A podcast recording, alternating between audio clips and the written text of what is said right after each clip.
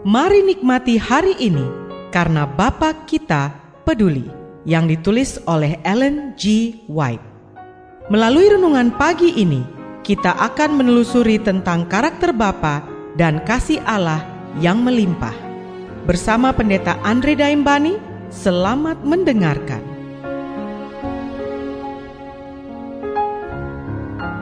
Shalom, selamat pagi saudaraku. Renungan pagi kita hari ini 10 Agustus berjudul Syarat-syarat perjanjian. Ayat intinya diambil dari Keluaran 19 ayat 5. Demikian firman Tuhan.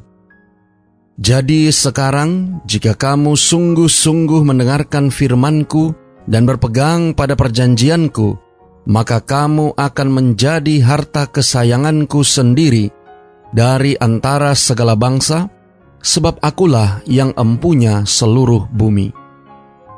Mari kita dengarkan penjelasannya.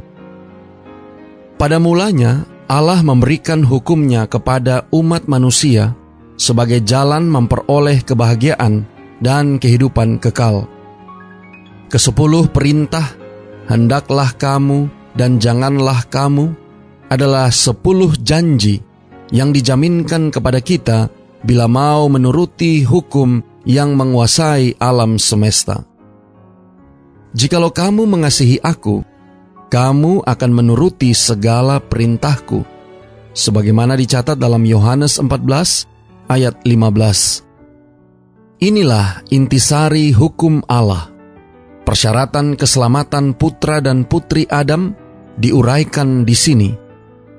Sepuluh hukum itu mengajarkan kasih terbesar yang bisa diberikan kepada manusia adalah suara Allah dari surga berbicara kepada jiwa dalam janji. Lakukan ini dan engkau tidak akan berada dalam kendali dan kuasa setan.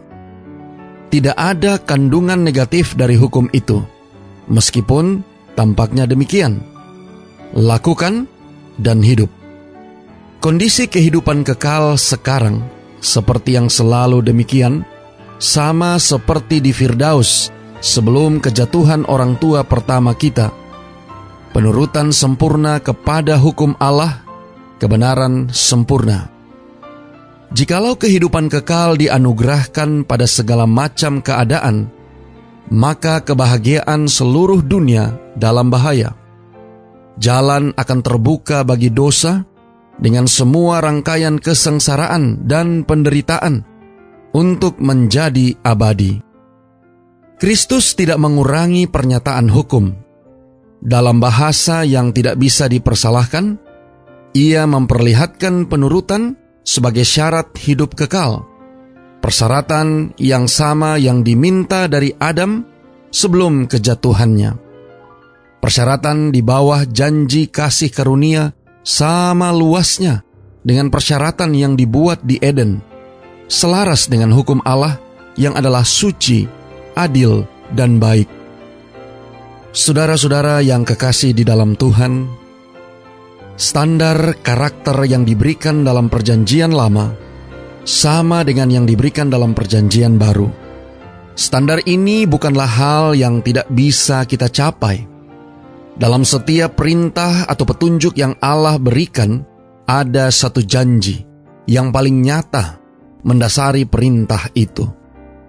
Allah telah membuat ketetapan bahwa kita bisa menjadi seperti Dia, dan Ia bisa mencapai ini bagi semua orang yang tidak mengedepankan kehendaknya atau menghalangi kasih karunia-Nya. Doa kita hari ini.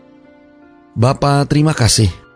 Melalui renungan pagi ini, kami boleh belajar tentang syarat-syarat perjanjian.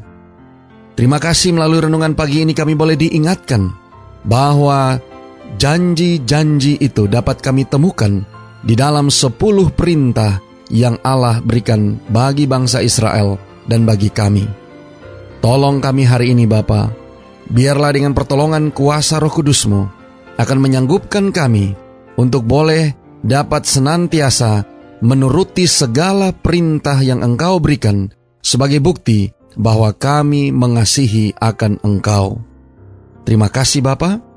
Inilah doa dan permohonan kami kepadamu. Di dalam nama Yesus kami berdoa. Amin.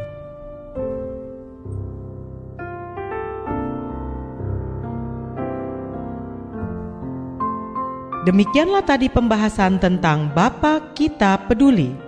Semoga firman Tuhan hari ini dapat menjadi berkat bagi Anda. Sampai jumpa, Tuhan memberkati.